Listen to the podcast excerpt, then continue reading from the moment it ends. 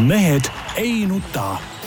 selle eest, et mehed ei nutaks, kannab hoolt Unibet, mängijatelt mängijatele. tere, kes meid kuulavad ja vaatavad ükstapuha millisel kellaajal, ükstapuha millisest vidinast. mehed ei nuta eetris on teisipäev kell üksteist läbi, üks minut ja üksteist sekundit, Tarmo Paju Delfist. tervist! Peep Pahv, no igalt poolt mujalt ta ei ole, ta on erikorrespondent siit-sealt, Delfist, Maalehest, Eesti Päevalehest, Eesti Naisest, Keilast, Vasalemmast. just nii, tervist. Jaan Martinson Delfist, Eesti Päevalehest ja vot mina olen igalt poolt mujalt. ma mõtlesin, et Jaan hammustas lõpuks lahti Aa. selle, et kuidas oleks lihtsam Peepu sisse juhatada, on see, et öelda no kuidagi mingi välistus nagu meetod teha, et öelda, kes ta ei ole, on ju ja siis ülejäänud kõik on. jah, et ma natuke krõbisen siin jälle tead mingit hingamisteed ja mingi täielik jama sel aastal, aga Peep sina, sina kui maamees tahtsin sinult küsida, kuidas sina nüüd käituma hakkad, et komposti sa enam teha ei saa?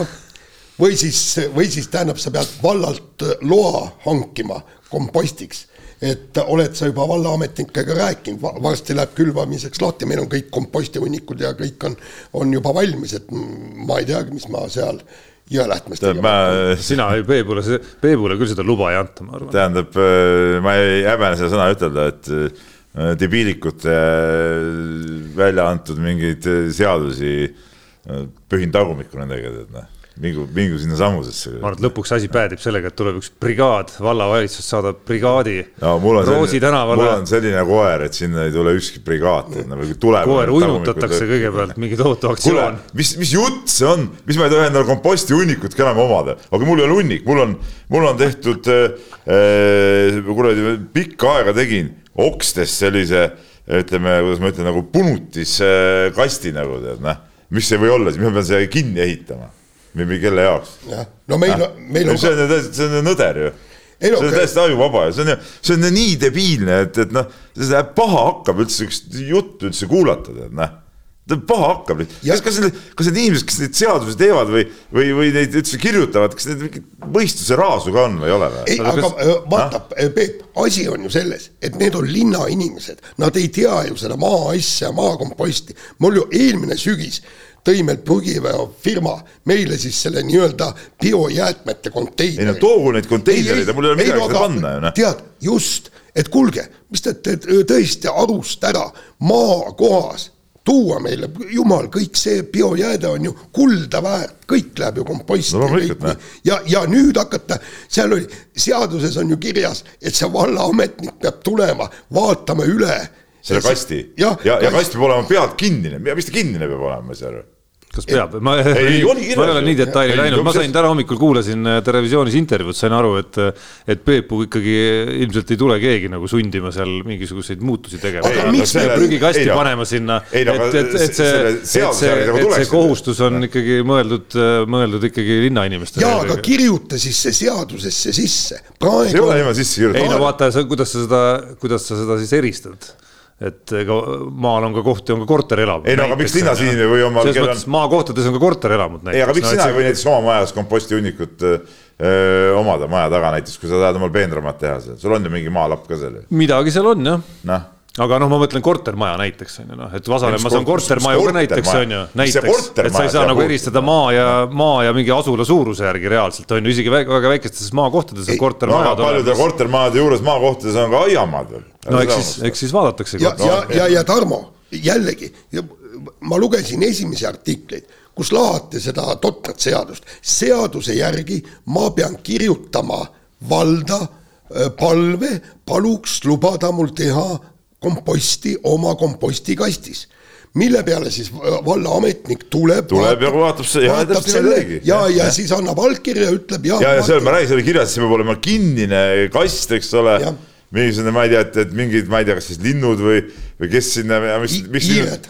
ei, mis hiired, no, no siir olla seal, noh, koeral ka midagi närida vahest, et kui mõne kätte saab või kassil, et noh, mis siis on siis noh. kuskil majast eemal aianurgas, nagu sealt ei saa, siis nad hakkavad lõpuks majja pressima ju, noh et, et ei no ole halloo, no see on ju, see on ju täitsa, see on nii, see on ju niisugune lollus, millega tegeletakse, et no see, no siis tõesti süda läheb pahaks. ei no teine no., teine hull asi, ma ei tea, kas sa Peep seda lugesid, et, et nüüd on see Paide on kuulutatud muinsuskaitselinnaks ja sinna ei tohi isegi lille, lille istutada ilma luba küsimata. ei, seda ma isegi ei lugenud. ei, ei seal on, et see on muinsuskaitsevöönd ja sa. terve Paide või? Äh, no seal on Paide mingisugune kesklinnal, et sa ei tohi seal midagi kasvatada ilma loata. mispeale ametnikud ja kõik see. Paide vanalinna vist puudutab. jaa, Paide vanalinn, nii, mille peale siis needsamad ametnikud ütlesid, ei, ei, me ei hakka kedagi karistama ega trahvima, no aga mit, mis põrgu pärast. mis seadust tehakse, see on jabur noh no., see on jabur noh. ei no jaa, aga see ongi, neil ei ole mitte muhvigi seal teha. no ei ole jah. ja siis äh, asendustegevust mõtlevad igast totruse välja nii, aga nagu tulles äh, nii-öelda maisemate ja olulisemate no, teemade juurde. see on väga oluline. on, on siiski üks teema veel, Peep, kuidas oled taastunud äh, suurejoonelisest äh, sünnipäevapeost? normaalselt. kas, kas vanusega ikkagi kuidagi on ka mingit, tunda mingisugust muutust tähistamisprotseduurides? siiski ei, siiski ei, ütleme, et ähm, tulid, olid mõned napsud sisse ja, ja noh mis seal ikka. ei midagi erilist ei olnud, noh, sai natuke, natuke vägijooki suust sisse valatud ja, ja oli kõik.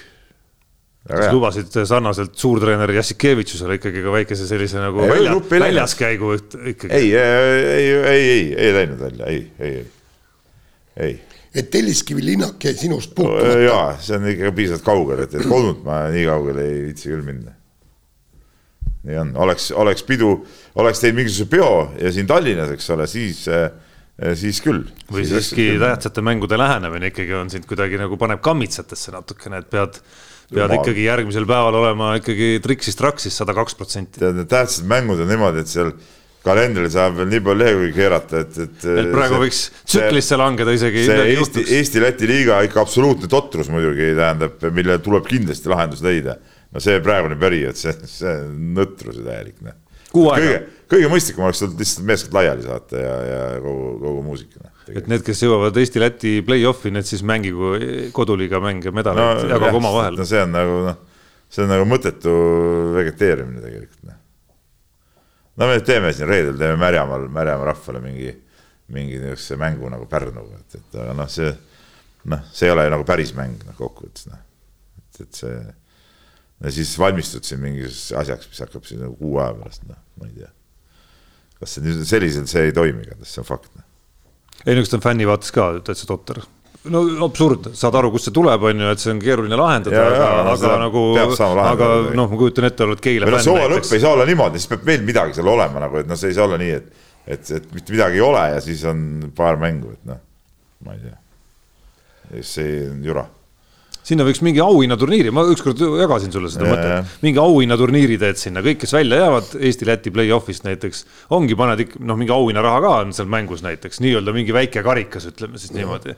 ja siis paned ja lammutavad niimoodi seal kuskil noh, ma ei tea, näiteks Keila-suguses kohas, kus tribüünid tulevad rahvast täis ka veel ja teed nagu siukse turniiri, kus natuke on mängus ka, natukene auhinnaraha ja kõigil on tohutu motivatsioon üleval, pluss on mänge vaja ja, ja tekitad veel mingisuguse happening'i nagu sinna juurde, saad veel mingi karika ka endale kätte, mida hooajast ette näidata, lisaks sellele, mis sul tuleb äh, maikuus, nagunii.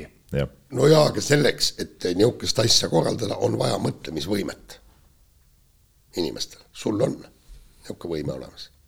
Teatud seltskonnal, teatud seltskonnal ilmselt ei ole. nii, aga lähme nüüd spordiga vist edasi, räägime alustuseks jalgpallist. Eile siis äh, Euroopa meistrivõistluste valikmängus Eesti äh, kaotas Austriale üks-kaks, paar päeva varem sõprusmängus Ungarile null-üks. ja noh, mis selle eilse mängu kohta võib öelda, noh, mängu natukene oli, värava lõime, põnevus säilis üsna pikalt, aga lõpuks on ikka tühjad piud. no tähendab, et selle mängu muidugi parim asi oligi see, et see et see üks äh, standardolukord nii-öelda mängiti suurepäraselt äh, lahti ja välja ja, ja Rauno Sappineni vägev löök selle, selle väravaks ka realiseeris, et see oli, see oli tõesti kihvt, kihvtilt tehtud ja, ja ja, ja hästi-hästi mängitud, et, et siin, siin ei ole midagi ütelda ja, ja, ja müts maha meestes. aga ülejäänud mäng, noh, okei okay,, seal mingi paar võimalust võimaluse poega veel oli, aga, aga tervikuna no ütleme, see resultaat ei peegelda kuidagi nagu seda jõudude vahekorda ja, ja, ja mängukäiku, et no tegelikult kui oleks sellel Austrial olnud seda realiseerimiskindlust ja osavust natukenegi rohkem, siis neid olukordi on nii palju, et see vabalt oleks võinud see mäng olla ka üks, üks neli või üks viis, et, et, et pigem seal äh, austerlased peavad nagu endale peeglist otsa vaatama, et nad rohkem ära ei suutnud lüüa. nojah, meie vaatenurgast nagu hullem on see, et see asi oleks võinud ja väga vabalt oleks võinud kohe kiiresti minna hoopis teistpidi, et, et seesama heina esimene pirukas seal alguses keskjoone juures, kus, kus tühjast väravast austerlane sisse ei saanud, okei okay,, see oli, ei olnud kõige lihtsam löök, aga noh, fakt on see, et, et värav oli seal tühjane ees pluss siis penalti ka veel sinna otsa, mis oli puhas selline meie eksimus jälle seal, seal karistusalas. Ja mis omakorda oli siis täpselt selline tüüpiline eksimus, mille pealt tegelikult või mismoodi tulid ka need teised väravad seal teisel poolajal. et natuke seda, ma ei taha üldse nagu kõlada kuidagi nii-öelda, et oh, ma ju ütlesin, on ju, aga kui meil see Unibeti rubriik on siin tavaliselt saate lõpus, siis, siis olles võlgu oma panustamise sellel möödunud nädalal, siis, siis pärast seda, kui Eesti oma esimese värava ära lõi siis ma läksin, läksin siis vaatama, mis seal koefitsientide maailmas toimub. Ja poolajal, kui, kui Austria koef oli mingi kaks koma üks või midagi, noh siis läksin, panin selle ära selle teadmisega Austria peale, et, et kartus on väga suur, et, et me ei suuda neid vigu seal karistusalas ikkagi nagu vältida lõpuks, et lõpuks need apsakad tulevad sinna sisse ja lõpuks meid karistatakse ära ja kahjuks nii läkski.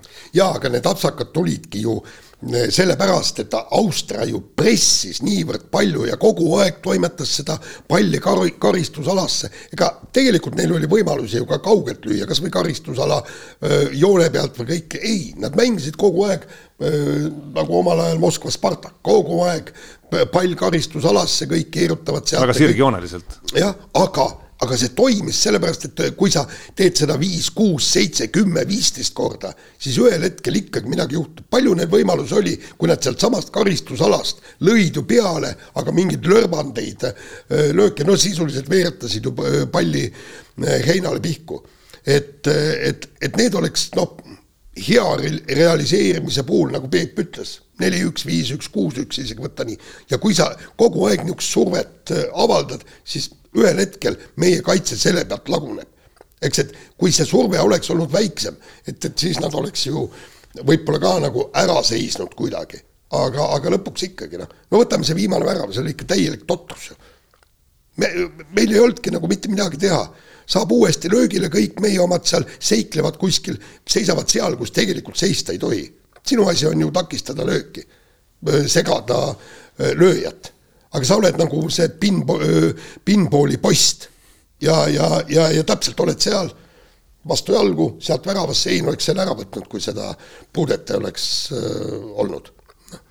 ja nii, nii ta tuleb, kuskilt see ikka ära tuleb et noh, mul on nagu sihuke üldpilt ju iseenesest noh, oli nagu okei okay selles mõttes see, kuidas nagu üle välja suudeti enam-vähem nagu ütleme, kuidas öelda, olla võitluslik või, või olla nendes duellides ja olukordades, aga kuskil seal viimase, viimase meetri või kuskil seal kasti juures ikkagi, kui hästi sirgjooneliselt eh, klassiga mehed tulevad ja, teevad oma söödud ära, siis ikkagi kuskil oleme olukorras, kus eh, ma ei tea, Sinjavski peab kellegi maha niitma seal selleks, et eh, mees löögile ei pääseks või kuskil keegi jääb vabaks ja, ja mingid siuksed apsakad tulevad nende tugevate vastu kogu aeg sisse, mis mis takistavad ikkagi nagu seda õiget tulemust meil kätte saada.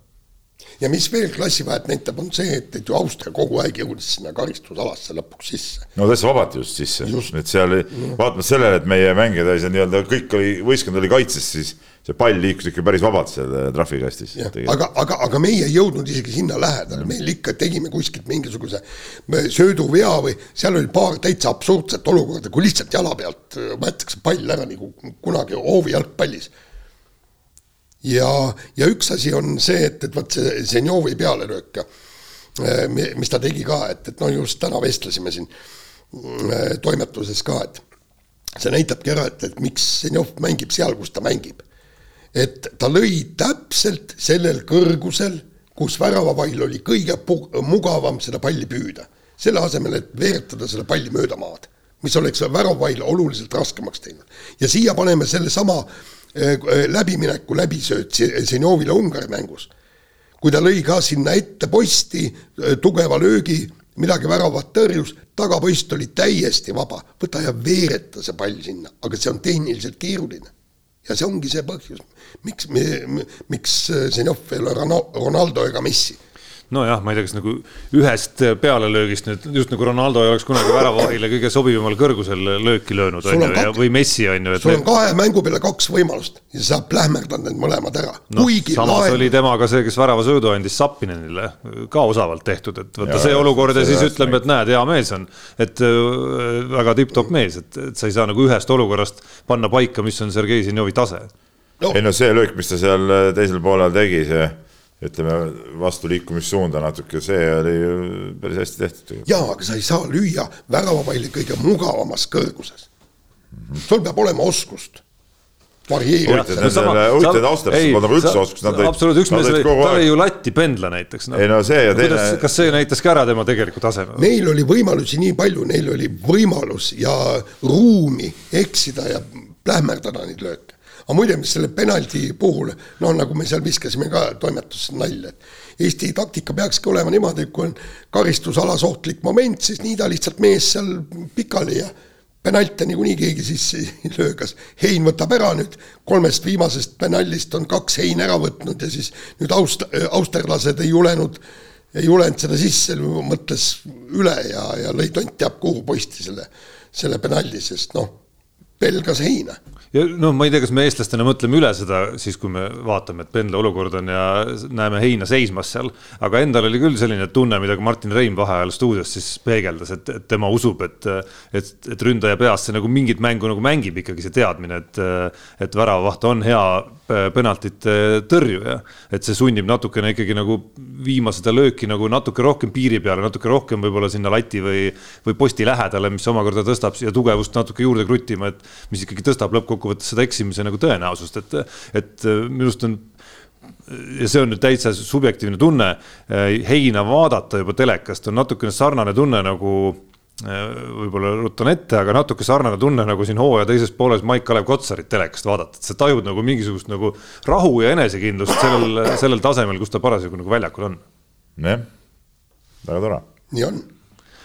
nii, aga vahetame teemat, talispordi hooaeg kas nüüd on läbi saanud või õue, õue vaadates su, õue vaadates? veel hüppavad. ei no Eesti meistrivõistlused kahevõistluses ja peatonis on veel see nädalavahetus. no just. kahevõistluse omad saavad ilmselt olema veel eriti haaravad, võidu osas ma mõtlen jah aga.... ei no suusahüpetes oli intriigi kui palju. kolmanda koha sai ju. mitte Eesti esihüppaja. Martin Nõmme võitis vist, kes ei ei tee minu arust ju äh, sportlasena. ei, ei ta ei. pole üldse hüpanud, hüppas kuu aega enne, käis korra hüppemäel, vaatas, et vorm on väga hea, otsustas, et ei hakka ära rikkuma seda, rohkem ei tulnud enne võistlust. ja mine sa tea, Leva-, veel Allar Levandi tuleb ka võib-olla kahevõistluse starti ja teeb ka Ilvesele, näitab koha kätte nagu. nii, aga Ilves. ma ei tea, kas Ilves tuleb siia võistlema või?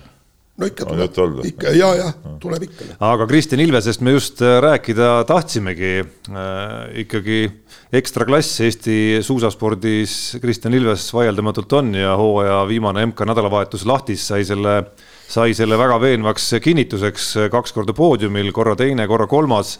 MK-sarja kokkuvõttes kerkis siis Ilves teist aastat järjest viiendaks ja noh, selline tunne jäi küll sellest hooaja lõpu nädalavahetusest sisse, et äh, et kas saime kinnituse, et suurvõistluste medal ja, ja äkki ka MK-etapivõit ikkagi tema karjääri jooksul on täitsa püütavad? no kindlasti on püütavad, aga nüüd mingit nagu äh, ega ta nüüd rohkem püütav ei ole, kui, kui pärast mõnda eelmist äh, poodiumi kohta no.. et, et võib-olla ainuke asi, mis on, on see, et jah, ta suutis seekord kõvasti sõita, eks ole. see oli kindlasti, aga see oli kindlasti, ma segan korra, see oli kindlasti kõige vingem nädalavahetus, mille ta eales on teinud, just mõeldes seda ka, et kõik mehed olid kohal seal. ja kõik mehed olid kohal, aga aga vaata nende viimaste etappi, mina alati natuke viimaste etappide suhtes natuke skeptiline, et, et mingitel meestel, kes, kes on läbi hooaja olnud nagu väga head ja, ja korjanud seal oma võite ära, ütleme nende vorm võib-olla on läinud natuke alla, eks ole no.. ja paaril mehel ja oli. paaril, paaril mehel ilmselgelt niimoodi ka oli, eks ole.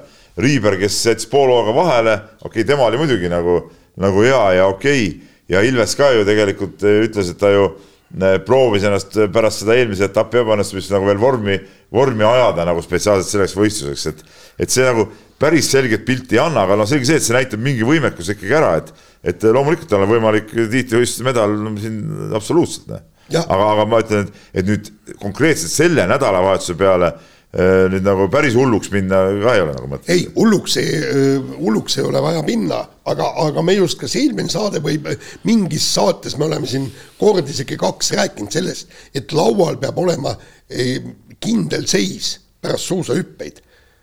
kui Kristjan Ilves võib saada medali ja, ja just praegu tekkiski see ideaalseis, eriti veel esimesel võistlusel, kui tuli siis see nii-öelda teine koht et ta oli Riiberist ees, siis tuli Riiber ja siis oli minut aega järgmisteni, järgmiste sõidumeesteni. Riiber sai ta kätte, kahekesi paaris sõideti heas ja korralikus tempos lihtsalt eest ära, kõik. hõbe tuligi ja teine oli Öftebro ju, oli see, kes tempot dikteeris ja, ja kannatas tempo välja, selge see lõpuks enam, enamaks ei jätkunud jalga kui kolmandaks kohaks aga jällegi, et need on need stsenaariumid ja kõik on selge, seal peab olema pikk hea hüpe ja Ilves ise muide ütles intervjuus ka, et kui ta hüppab sinna nii-öelda Riiberi kanti, et muide ta rõhutas, et kus on kõige suurem areng. just hüpped, just nimelt, et olla kogu aeg yes. seal Riiberi kandis, siis on ju, noh, kui me selle Riiberi seame siin praegu selleks, selleks nii-öelda no,. Hüppe, samas hüpe on jälle sihuke asi, mis on oma olemuselt ikka nagu ebastabiilne, et, et, et ka kõige kõvemad hüppajad eh, noh, ei suuda tead läbi hooaja hoida seda päris äh, jah, samas Riiberit näeme väga harva ikkagi kuskil, kuskil nagu teises kümnes on ju. no see aeg ta võistis nii vähe, et, et see võib-olla ei anna nagu tegelikult pilti. ei no jaa, aga okei okay,, no tema on mees teiselt planeedilt, eks. aga noh, see mees teiselt planeedilt, ega see ei kao kuskile, et see on nüüd see, mida, et, me siin mäletame Levandi aegadest äh, saadik ja, ja siin Delfi Päevalehe veergudelgi said need äh, vanad ajad kõik meelde tuletatud, kuidas Eesti kahevõistlejatel ei ole MK-sarja etapi võitu ikkagi ette näidata. ükskõik kui kõva Allar Levand Levandi omal ajal oli, aga MK-etappidel võita ei olnud võimalik. ja see Riiber on nüüd see mees, ega, ega ta kuskile ei kao sealt Kristjan Ilvese konkurendina lähematel aastatel. või, või noh, isegi kui me ei räägi Riiberist, siis, siis ka need teised, ka seesama MK-sarja võitja Johannes Lamparter tegelikult, kui ta vormis oli veel. noh, võitis neid võistlusi päris tihti natuke sarnase Äh, skriptiga nagu, nagu nüüd, nüüd Riiber ikkagi. et ta tegi, esiteks oli hüppe järel ikkagi seal päris teravas tipus. Äh, oli no oluliselt parem sõitja kui need teised spetshüppajad seal või kõvemad hüppajad seal, jaapanlased ja nii edasi. ja kui läkski mõne suusamehega seal, kõvema suusamehega lõpu peale, siis ta oli võimeline natuke sarnasel moel nagu Riiber Oftebro ära võttis sellel viimasel võistlusel. oli suuteline ikkagi, isegi kui see justkui nagu tervikuna on kõvem sõitja tal vastas äh, nii-öelda numbrite järgi, siis ta on suuteline kuidagi seal lõputõusu tõusudel, just nimelt sellel viimasel lõputõusul enamasti, tegema sellise kiirenduse, et ta saab isegi nendest jagu. ja, ja noh, siin me ikkagi nägime ju nii Oftebro kui, kui Riiberi vastu, isegi Oftebrol oli Riiberi vastu, ei, ei, ei jätkunud seda rammu seal sellel viimasel tõusul. et, et see on see koht, kus tänapäeva kahevõistluses mängitakse nagu kohad ikkagi välja päris tihti, et see on läinud selliseks grupisõiduks, kus, kus päris lõpusirgele väga harva jäävad mingisugused, mingisugused asjad, et see paugutamine hakkab seal viimastel tõusudel. ja nüüd, kuidas Kristjan Ilves seal hakkama saab, on see küsimus, mis määrab ära selle, kas ta mõnel võistlusel on esimene või näiteks viies ja ei, seda, seda kindlasti, aga kui me vaatame, vaatame veel seda MK seisu, jube tubli, viies koht teist aastat järjest kõik, aga vaatame, et seal oligi, et nüüd me räägime, et, et tahaks näha, et, et kuidas toimub areng, kas ta tõuseb kõrgemale.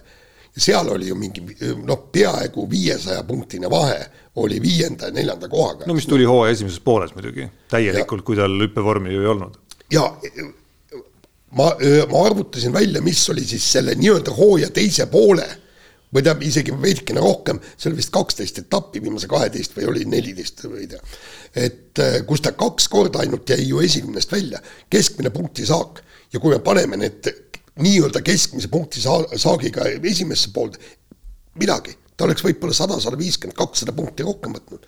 aga, aga neljandat kohta, no way ja, ja, ja kui sa vaatad Äh, esi, esimesel kolmel ja Riiberil ka, no põhimõtteliselt äh, seal oli kaksteist poodiumi kohta, kellelgi oli kaheksa poodiumi kohta, Riiberil vist üksteist, pluss veel mõned võidud. vot see on nüüd see, et samm edasi no,. järgmine tase, jah. järgmine tase on see, et jätkuvalt poodiumil või siis esimese kuue seas, mitte esimese kümne seas. nii on. nii, lähme edasi suusatamisega ja, ja Lauluväljakul toimus siis äh, kurikuulus eh, MK-sarja sprindietapp, millest siin nagu eel, mille eel oli siin kõvasti vaidlemist ja jutustamist ja ja mis sealt siis nii-öelda näppude vahele jäi, jäi siis Sebastian Tremljuga kaheksateistkümnes koht, mis oli ilmselgelt üllatus. Ja, ja viimase kolme hooaja parim tulemus MK-sarjas Eesti, Eesti suusatajatelt, et kas see on siis üksik sähvatus või või on uus äh, täht sündimas, nii-öelda suure spetsiaalne, sa siin ristisite juba mingisuguseks kuningaks ja nii edasi. lepime, äh, lepime selle kokku, et sprindivõitja ei ole kunagi kuningas, suusakuningas on ikka maratonivõitja. ta on sprindikuningas. no sprindikuningas. ja ka. Eesti. no tähendab, äh, Jaan, püüa natuke olla. ei, ma, ma, ma olengi. see üks, üks võistlus ei tee kedagi veel kuningaks ja selles suhtes kõrvalt lugeda neid selliseid asju on ikka suhteliselt nagu noh, päris, päris totra mulje jätab. Peep väikene lootus võiks ju olla, poiss on kakskümmend kaks, äkki sealt kuskilt tuleb midagi no,. kakskümmend kaks ei ole kaheksateist. ei, ei, ei, ei, oota, Allo, Allo, lootus ja kuningas on kaksteist erinevat asja. ei ole no seleta nüüd, seleta Jaan nüüd see ära, ma võtsin Tremljuga selle, selle hooaja FIS-i teenistuslehega lahti, et noh, see kaheksateistkümnes koht MK-etapil, isegi kui vaadata ainult vabatehnika sprinte, no ta on anomaalia ikkagi. ei, muidugi on anomaalia, muidugi on anomaalia, aga, aga meil peab mingisugune lootus olema.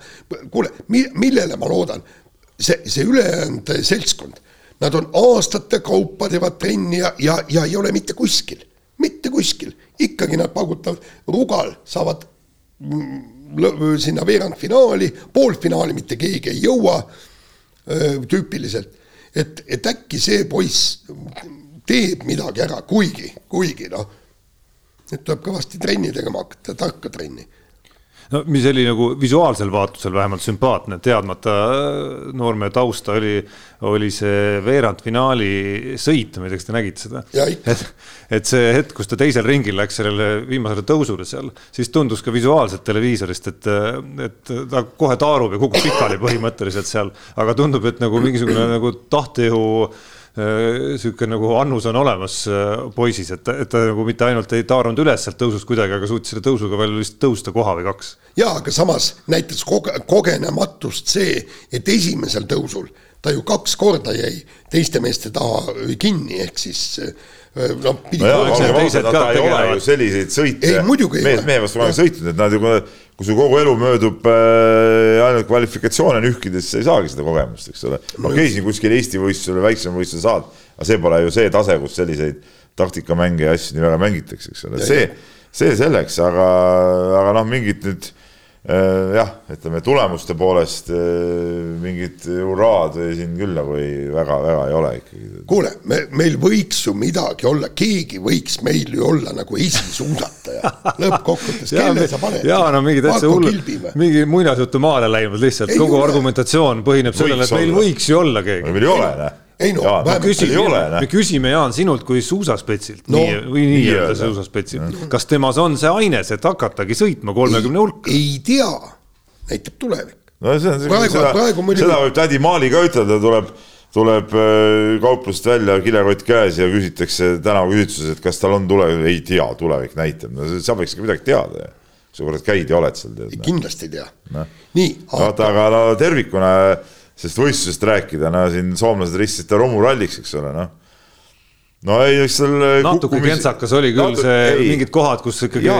võistlejad rajal ära ei mahtu. ja, ja aga tervikuna noh, kuna sprint ise oma olemuselt üldsegi veider äh, suusavõistluse formaat, eks ole, et, et siis sihukeses kohtas võib seda teha küll, et, et ega ta nagu seal pole nagu mingit vahet. Noh. ja, ja minu meelest oli, ma olin esialgu skeptiline, et noh, et sinna lauluväljakule kõik see võistlus viia ja kõik aga lõpuks tuled valgel, vaata kui palju rahvast oli, kõik raja äär oli rahvast täis, teine asi oli see, et sa. oluliselt Tallinnas oleks muidugi seda rahvast rohkem olla.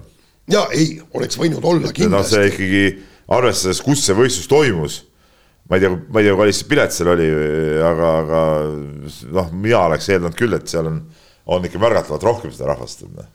ja aga ja et see. maailma no, mingid siin... tipud, maailma tipud toodi ikkagi kohale ka ja, ja aga see näitab muidugi ära, et ikka see suusatamine ei ole enam päris see ala ja siis tehakse midagi teha. just, ma oleks tahtnud sama asja kommenteerida, et see murdmaasuusk on ikkagi kaugeks jäänud, midagi ei ole öelda, noh, kui sul oma juba aastaid-aastaid oma inimest ei ole seal kuskil natukenegi punkte näpistamas stabiilsemalt, siis midagi ei ole parata, et see, see jääb kaugeks.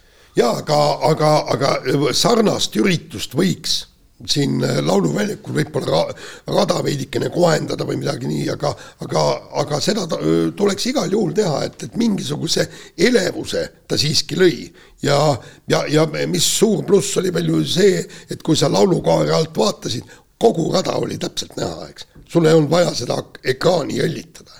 jah, laulukaaret vaatasid, et see on nii kaugel, et, et, et need jäid ikka päris väikseks nagu kõik. no jaa, aga nägid ikkagi ära aga kuidas siis, räägi veel seda, et kuidas siis see määrde eksperiment läks, kas suusamaailm jäi, jäi rahule ja tulevik ongi seal, et, et suusad määritakse ühtlaselt kõigil ühtemoodi? Nad arvasid küll, aga see toimub ainult linnasprintidel ja vabatehnikas, ainult see. Et, et klassikas on ju, ju igaüks tahab oma pidamist ja igalühel on oma nii-öelda pidamismäärde äh, süsteem, eks mitu kihti ja kuidas, kuidas ta kõiki neid tahab ja aga, aga nagu Norra hooldekoondise juht ütles, et vahet ei ole õiged mehed võidavad ikka. mina saan aru, et äh, see annab veel nendele tugevamatele veel suurema eelise, neil paremad suusad. Noh. ja ei, seda kindlasti jah. no, no see kõlas ka nagu veider, et ma pigem julgen arvata, et Norra lastel on enamasti, kui me räägime, et norralased on kõige tugevamad, mida nad meestes on. ma kahtlustan, et rohkem on kordi, kus norralastel on äh, paremad suusad kui teistel. järelikult ikkagi see väide nagu paika ei pea ju ei, ei. järelikult on rohkem kordi, kus sa kõik, kõiki ühtemoodi määrides äh, nii-öelda võtad kläbolt natukene nagu seda hoogu no, maha. minu arust see on, see on suhteliselt totter on see süsteem nagu see ühtemoodi määrimine. ma ei näe nagu, ma ei näe nagu seal küll nagu mingit ühtegi nagu põhjendust ma ei näe sellele, miks seda peaks nagu tegema üldse. tahad, ma toon sulle ühe põhjenduse või? see hoiab tuhandeid ja tuhandeid eurosid kokku ei, no, kõikidelt no, tiimidelt. no siis ja, ja... Äh, lähme üldse ilma määrdeta, see oleks veel rohkem kokku noh. ei, miks. võta suusad ja sõida noh, mis on siis noh ikka samamoodi võita selgub ju, paneb puusuuskudega näe ei, aga, aga, aga mis seal viga oli, see, see oli kõik ju okei. Okay.. noh, vaataja jaoks ei muutu ei, vaata, ei, ei, vaataja jaoks muidugi, ma mõtlen olemuselt suusatamises selline asi nagu no, see, ütleme, see määrde pool, me oleme ise kirjutanud tuhandeid lugusid määrdemeestest, kui kui tähtis see on, eks ole, ja, ja see nagu ära kaotada, et no mis selle nagu point. jaa, aga see muutub liiga koormavaks ja liiga kalliks. See muutub ja suusatamise huvi suusatamise vastu ju kaob üha, üha, üha. sellepärast kaob, et äh, igal tiimil on oma määrde see boks. ei, ei, saad aru, kui kaob huvi, kaob ka raha, neil ei ole võimalust, võta, mäletad, Kristiina Smegunil oli niisugune määrdetiim kolm inimest, kaks inimest tiitlivõistlustel, veel kaks juures ja rahulikult peeti kogu seda määrdetiimi üleval. Ja nüüd on terve kogu Eesti suusatamise koondise peale üks määrdemeister sellepärast raha pole. ei, ma saan aru jah ja, ja, Norra no., Norral ja Rootsil on alati raha. aga teistel riikidel, siin oli absurdne, räägiti, et nüüd, nüüd tulevad uued määrded ilma floorita ja need määrdefirmad kor-, korraldasid nii-öelda teabepäeva ja siis äh, nii-öelda testipäeva, et tulge, et me näitame, mis järgmisest aastast saama hakkab. Tšehhi, äh, Tšehhi määrdemehed tulid kohale autoga ja elasid, magasid autos, sellepärast raha ei ole neil. no jaa, aga vaata, sa ütlesid, et, et seda süsteemi saab kasutada ainult linnasprintidel ja vabatehnikas. mitu hooaja jooksul, mitu vabatehnikas linnasprintlusi toimub? no pakun välja võib-olla kaks no., võib, võib-olla kolm, aga. oota, aga miks seda pikal vabasõidul ei saa kasutada siis? No nii. selles mõttes, no okei okay,, ma saan aru, kuskilt sa alustad, eks ole, linnasprint on igas mõttes logistiliselt juba nagu lihtsam, on ju. Äh, aga, aga pikas plaanis ei näe ühtegi põhjust, miks seda ei võiks kasvatada edasi veel. no ju see on see nii-öelda mingisugused määrde probleemid, üks tahab üht määret, teine teist määret. ei no siis, siis ongi süsteem, ei ole, mis, ei taha midagi, kõigil ühtemoodi ja kogu lugu no.. no minge rääkige FIS-iga, see, see jutt. no siis peaks ju, ma ei tea, kõigile täpselt ühesugused suusad kandma, noh no vot siin tuleb jah mingi isikupära nagu mängu. no mis see on rohkem isikupära? noh, selles mõttes on rohkem isikupära, et, et kui sa annad, kui ma annan, kui me võtame ühe sama suusa, minu suusad, eks ole, panen mulle alla ja siis panen needsamad suusad sulle alla, siis ilmselgelt on noh, oled sa nagu selges nagu miinuses. kusjuures ei ole väga vahet, ma arvan. no on ikka vahe. ei, ei, seal, seal pole küsimus, seal on see suusastruktuur, suusapõhi, no nad panevad põhjale mustri, aga seal on, on lihtsalt ühed suusad on paremad kui teised ja seal öeldi, et tegelikult tegelikult see on, tuldi ütleb, et kuidas on NBA-s, kõige kehvem meeskond valib esimesena aga kuidas on suusatamises, kõigepealt tuleb Kläbo ja nagu piltlikult öeldes, esimesed sada eh, paari antakse Kläbole ja siis teised saavad eh, järgmised suusad. pluss neil on veel kõige võimekam määrdetiim no, selle juures. absoluutselt jah talispordiala number mis iganes, kolm meie saates, Jaan. no just, mina pean sisse. sina ikka, jah äh,. Iluuisutamise mm toimus Jaapanis ja Niina Petrõkina tegi suurepärase sõidu, aga, alati tuleb öelda aga, üheksas koht. ja Peep kui meie iluuisu spetsialist äh, vaatasid ka, me pärast veel vestlesime ja kõik, et kava oli kõik ilus, aga need paar-kolm näpuviga no. ja, ja mis, mis läksid maksma seda, et ta ei jõudnud kaheksa sekka ega eh, saanud EOK palgale. no ma leian, et EOK siin peab küll nagu mingi möönduse tegema tegelikult. no eks ta ilmselt teebki, aga noh no,, päris, päris B-kategooriat ta ilmselt äh, talle ei anta ikka. no vähemalt C pluss. C pluss vähemalt, jääb aga... midagi seal juurde. sest no näha on, et tase, tase ikkagi on, on nagu päris võimas. Noh. ja, ja ütleme niimoodi, et jällegi noh potentsiaali tundub nagu olevat, et, et, et me, mis, mis mul kõige rohkem äh, Petrõkini juures meeldib, et ta ongi täpselt see iluuisutaja, sa näed, missuguse särtsuga ja missuguse tempoga ja kõik ta läheb, ta on kõik see, kõik see keha ja kõik see, kõik see olek ja, ja, ja, ja see ongi iluuisutajalik.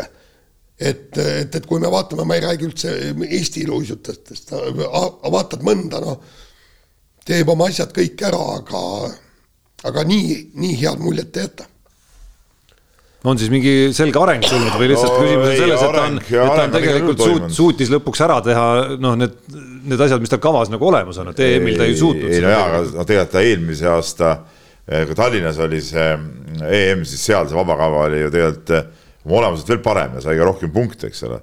et, et eh, aga, aga sihuke üldine areng on igal juhul toimunud, noh, et punkt üks just närvidega ja punkt kaks lühikavas, eks ole, mis tal on siiamaani olnud suur probleem, et selle suutis väga hästi ära teha ja, ja, ja kokkuvõttes no ma ütlen, et ta suutis ka neid, neid närve talitseda ja, ja, ja selle vaba kava ikkagi sõita ka. Noh, nagu ikkagi selles suhtes ilma suurte eksimusteta, okei okay,, need paar väikest asja seal olid jah, need siuksed nagu Jaan ütleb, näpuvead või, või, või need mingid väljasõidud ja, ja siukest võib-olla natuke ebakindlust oli sees, aga, aga, aga tervikuna noh, ütleme tasemelt eh, loomulikult see on läinud ikkagi sammu, sammu edasi ja ja, ja noh, sealt on, on veel, on veel võimalik muidugi edasi pikemalt minna, et et äh, ei, päris huvitav ja noh, lahe on see, et kui nüüd Evalate kiibus ka terveks saaks, siis, äh, siis järgmine aasta oleks kaks naist ka MM-il väljas, mis on ikka väga kõva, kõva näitaja noh. aga noh, vaadates jällegi seda lõppjärjestust, siis midagi ei ole öelda, Euroopa esindajatest ikkagi esikolmikusse lõpuks ei mahtunud. jah ja, aga pärast äh, lühikest kava oli teine. nii et, et. väike medal oleks olnud EM-il sellega. just, et, et tegelikult äh, vanad on kaheksateist. kaheksateist jah ja. noh, sealt on veel minna. ei, igal juhul, no selles suhtes seal, seal reservi on, on igal juhul noh, et, et, et ja see just temal just ka see kõik see väljendusoskus ja see, see ju areneb kogu aeg edasi, et noh, et ei, ei vägev, vägev no aga iluuisuekspert äh, Peep hindas siis ka meeste poolt ja Mihhail Selevkot. Vaatasin seda sõitu ka, noh. ei oskagi seda nagu ütelda, seal nüüd pärast ma vaatasin neid päris neid, et võitjaid, noh, seal, seal oli ikkagi see vahe oli ikkagi väga-väga suur nagu nendega. et, et, et see esimeste meeste tase oli ikkagi, ma ei tea, kas Jaan vaatasid, aga, aga seal ütleme kõik need hüpped, kui palju neid äh, neljaseid sinna sisse pannakse ja mismoodi seda, seda tehakse, et see on ikkagi ja, ja puhtalt kõik need asjad ja milliste kiiruste pealt ja, ja kõik see asi, et, et see oli, see oli nagu vägev, et meeste sõit oli iseenesest oma olemuselt äh, väga võimas nagu. no ikka, tähendab, ütleme niimoodi, kui Petrõkinal on, no ma, ma ei ütleks, et kukesamm, aga üks samm nagu selleks, et näiteks EM-il võidelda medali eest, jah. no võitleb ta juba praegu, aga üks samm on selleni, et see medal kätte ka saada. jah, aga Selevkadel on ikka kaks-kolm. on veel ikka pikem maa minna, see on, see on nagu selge, jah. aga noh, nüüd eh, see on ikka selge märk, et, et sul peavad olema need suured hüpped eh, sees, et ainult sellest nii-öelda väljendusoskusest ja sellest ikkagi ei piisa, et, et et hüpped, hüpped ja veel kord hüpped, okei okay,, see nüüd kõige suurem hüppemasin, see vene nimega Ameerika poiss Malinin, eks ole, see küll ei võitnud. Aga no tegelikult ütleme, ega, ega neil teistel ka ikkagi neid hüppeid oli ikkagi metsikud sees. no aga sama, sama tuleb ka Petrõkinile öelda, et, et ikkagi neljakordset hüpet on ka talle vaja. ei, seda kindlasti jah. aga no ma usun, et tema nagu potentsiaal on seal olemas, et kõik hüpped ära teha. Noh. kurat, aga Samalinin tegi ju neljakordse akseli. jah, esimest korda. see, see oli ikka võimas, noh. kuule, me. huvi pärast lihtsalt küsin, lihtsalt iluisu suured kurud kas te teete visuaalselt ise ka akslitel ja rittbergeritel ja kõigil vahet või? ilma kommentaatorita? ei, ei alati küll ei tee, kõikide nüanssidega küll ei tee aga no see on teada, et, et see, see on nagu tegemata, seal öeldakse ette ka ja sa näed üleval. see on lahe. sa näed üleval seal nurgas ka väga hästi, väga mõnus on. see on väga äge asi, mis on tekkinud iluuisu ülekannetes. seal on küsimus on selles äratõukes, eks ole, aga ütleme noh, ega nüüd nii head silma ei ole ja nii tähelepanelikult sa võib-olla ei vaata ka, et, et aga, aga et, et kuidas ta nüüd täpselt ära läheb, aga, aga jah, nii on nii, aga selle saatuse lõpetuseks äh, natukene korvpallist ka, homme siis äh, kas täitsa välja müüdud või peaaegu välja müüdud Tondiraba saalis BC Kalev Cramo alustab äh, eurosarja poolfinaalseeriat, kui kahemängulise ürituse kohta nii saab öelda. prantslaste Cholet on vastas ja küsimus lihtne, mis siis šansid on?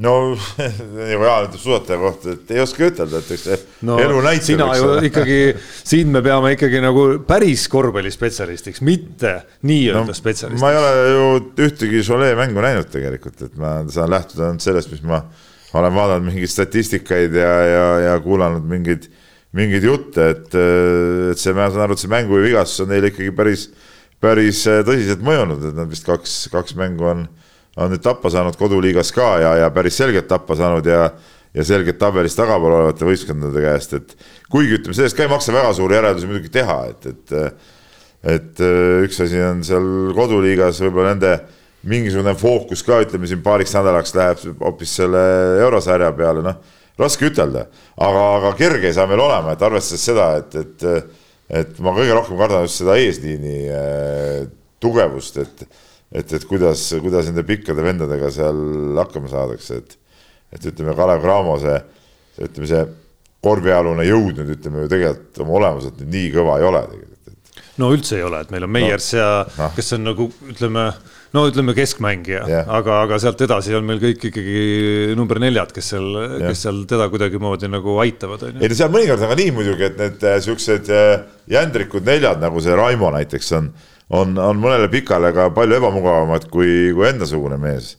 aga, aga jah, aga no ma usun, et tuleb sihuke fifty-fifty tegelikult, et ma seda küll ei arva, et nüüd äh, Kalev peaks ilmselt põdema, et neil mingit varianti pole, igal juhul on, igal juhul on variant olemas ja, ja ega nüüd see äh, noh, mingi imevõistkond ka ju vastu ei tule kokkuvõttes, et, et mängida saab igal juhul, küsimus selles, et kuidas kuidas sellel päeval mingid asjad ühel või teisel õnnestuvad.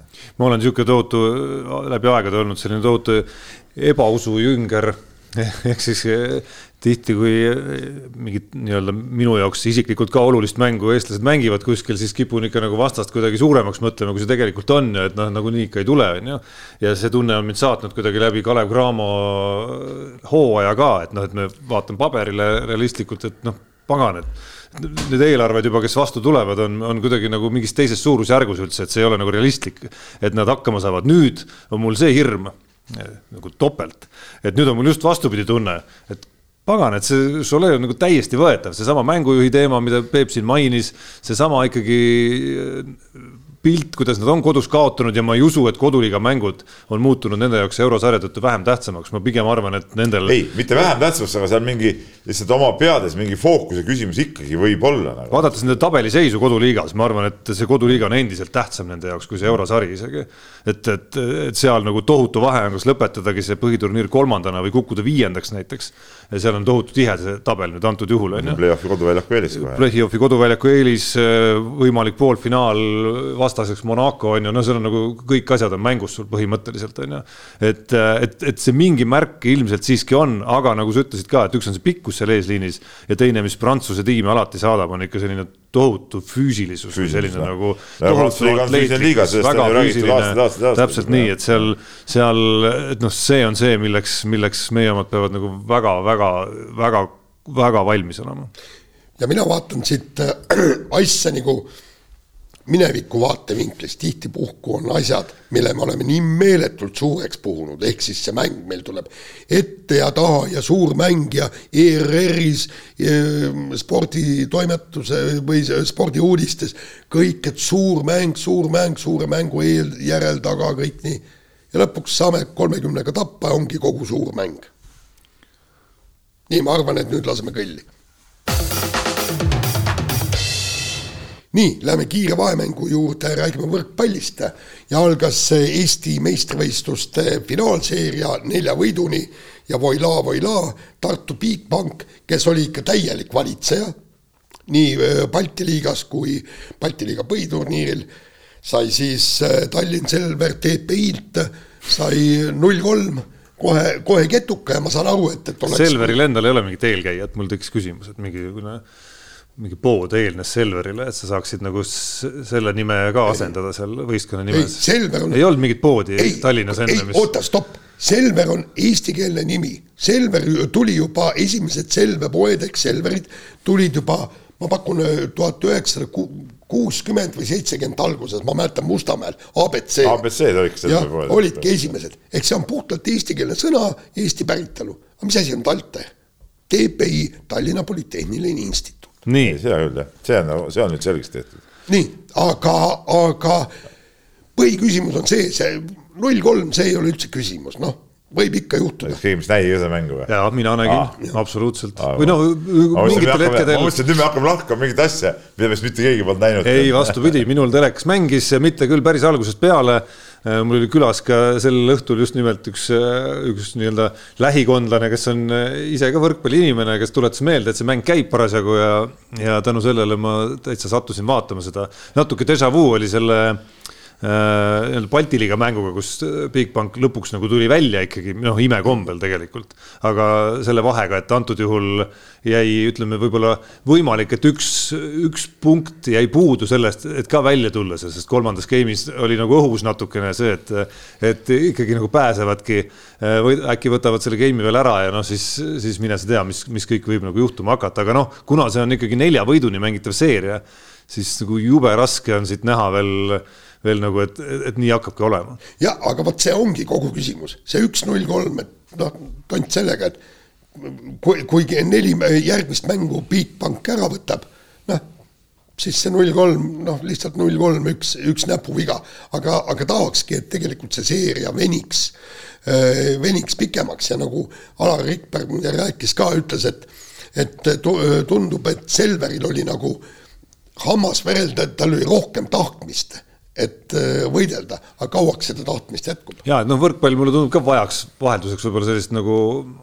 asiotaaži kuidagi nagu siia rohkem ja täistribüüne ja kõike seda, et, et natuke kuidagi tasa kulgemine on olnud. no väga tasa, minu radarilt on see üldse kuidagi nagu väga-väga alt läbi läinud praegu, et ma, ma tean, see mäng oli, ma vaatasin skoori ja kõike seda, aga, aga, aga kuidagi nagu sellist noh, et mingit erutust ma ei, veel, veel ei ole nagu tundnud ja jutu lõpetuseks Alar Rikberg tegi kenasti, sõlmis lepingu enne file-, finaalseeria algust ja, ja kui, kui Bigbank ketuka saab, ma arvan, et seal lepingus see number oleks natukene väiksem, aga noh, õige mees, õigel ajal tegid lepingu ära aga me vahetame teemat, rääkisime eelmises saates Gerg Riisast, utsitasime teda Euroopasse tulema. Euroopasse Gerg Riisa siiski oma samme seadma hakanud veel ei ole, küll aga üsna peatselt pärast meie eelmist saadet tuli uudis sellest, et, et Gerg Riisa on otsustanud pärast kolme hooaega Arizona ülikoolist lahkuda ja erinevate, erinevate ülikoolidega nüüd jutud teda seal, teda seal seovad, nädalavahetusel käis West Virginias külas ja, ja, ja no vähemalt sotsiaalmeediat uskudes kuidagi ollakse üsna kindlad, et ta sinna läheb, aga, aga siin osas me nüüd kõige targemad inimesed maailmas ilmselt, ilmselt ei ole. fakt on see, et, et Kerr otsustas kannapöörde teha ja, ja lahkuda kohast, kus noh, ühest küljest tundub, et kas viimasel aastal areng jäi seisma natukene võib-olla isegi. no raske hinnata. ma ütlen, see üliõpilaskorvpall on natuke kauge maa tegelikult, ma ei, ma ei oska öelda, kas areng jäi seisma kas, äh, kas vigastused, kas noh, seda, seda on nagu raske hinnata, mis, mis seal täpselt oli, et ma pole väga palju mänge näinud ka, mõnda üksikut ja kahjuks seda viimast mängu nägin ka. et see nagu siiamaani on jätnud mingisuguse jälje nagu. see tiraad, mis Peebu suust tuli eelmises saates viimase mängu kohta, kõikides Eesti korvpalli podcast ides olen vist ära kuulanud need, äh, tulid täpselt sarnased tiraadid erinevate isikute suust. nojah, aga no see on ju loogiline, noh no see oli, oligi, oli nagu ta oli, eks ole. no see selleks Äh, aga mismoodi see on, mis, mis sellest ülikooli õpingutest saab siis, kui nad seal kogu aeg jooksevad ühest kohast no see on ju kõige lihtsam osa sellest. muidugi, see punktid, ma eeldan, et süsteem on ju sarnane, sa saad ju mingi osa punkte, kannad ju üle endal seal ja. võib-olla ei võeta sinna ülikooli sisse ei no sportlastel käib see natukene lihtsamini ikkagi. okei okay., ei, ma ei oska arvata midagi, et kas see on hea, kui ta saab kuskil uues kohas mängida, no keskkonnavahetus ikka võib hea olla, no miks ta, miks ta ei ole hea, noh.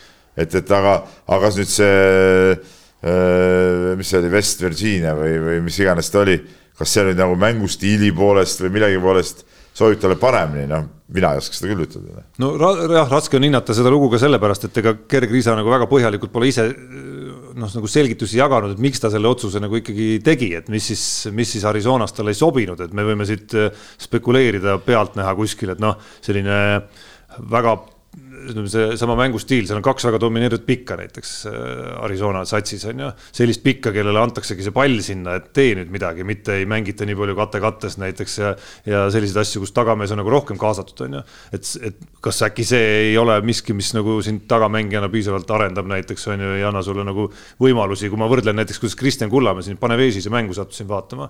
Äh, eurosarja mängu eelmisel nädalal näiteks, et kui palju nagu aktiivsem ja ka nagu tänu sellele nii-öelda, et seal toimus nagu neid koostöökohti pikkadega. just, et kui palju tekkis tal, kui, kuigi ta oli individuaalselt noh, selgelt oli hädas natuke seal selle vastaste äh, tagamängijaga, siis kui palju tal tekkis nagu just tänu sellele kahe mehe koostöödele tekkis ka tal endal neid võimalusi, ükskõik, kas siis söötu jagada või lõpuks ka ise neid asju nagu ära lahendada, kas eemalt või, või korvi alla murdes. et see on võib-olla see pool, mida, mida äkki mõni muu sats äh, pakub, pakub näiteks Kerrile rohkem. teine asi on see, noh, on see Kerri selline mis pool me, kuidas me nimetame seda siis, see nii-öelda showmehe pool seal näiteks on ju.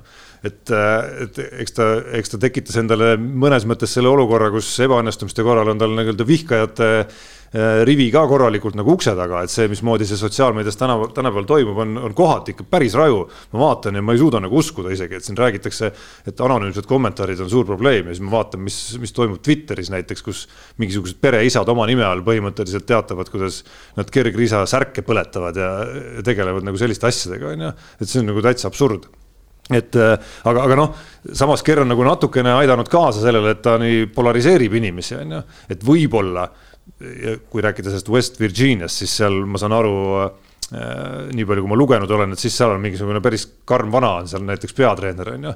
et võib-olla seal on mingi tüüp, kes äh, ütleme, oskab teda natukene võib-olla panna targemini käituma ka nagu selles valdkonnas näiteks on ju. et siin võivad nagu sellised asjad olla, aga see on kõik minu spekulatsioon siin praegu. elu näitab, nagu Jaan ütleb.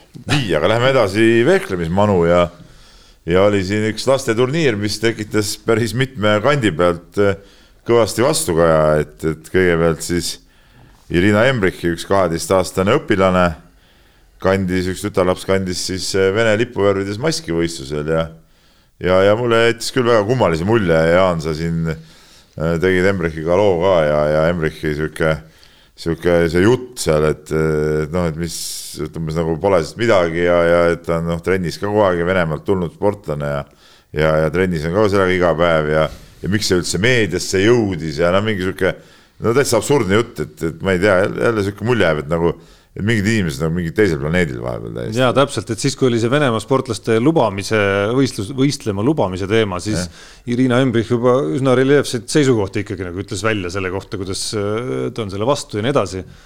aga nüüd selles olukorras küsimus ei ole ju selles ühes võistluses küsimus on selles, et äh, nagu Irina Imbrich tunnistas, on, äh, on see laps kolmteist kuud alates sõja algusest saadik äh, igapäevaselt põhimõtteliselt selles maskis ju vehelnud, noh trennis siis enamasti ilmselt. ei no trennis ta aga, selles vehelda, selles aga, ei ole nagu seal, no kas tõesti kellelgi, kuidas, kuidas ei hakanud ükski latern põlema Irinal, Irina Embrichil endal kasvõi, et kuulge, anname talle õige maski, see ei ole sõja ajal okei okay, no no jaa, aga, aga inimesel, inimesed ei tulegi selle peale, noh. ei no vaata, no ma ei tea, noh. no, no kuidas ei tule, see ongi mõistetamatu no.. no kui sul on mõni, ma ei tea No, kui tal endal oleks olnud mingist ajast, keegi kinkis kunagi näiteks äh, äh, ükskõik meenena kuskil võistlustel käis Venemaal aastal, ma ei tea, kaks tuhat seitseteist, keegi kinkis sokid talle, kus on ka, ma ei tea, Venemaa lipp ja logo peal. Nad ei pane neid ju jalga.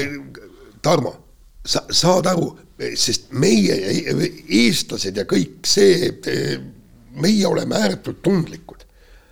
aga, aga, aga tema ilmselt vaatab, et noh, et sellest, sellest ei ole midagi, et nagu ta ütles, et mida see laps ei tee ju poliitikat, las vehkleb selles maskis, see on tal mugav.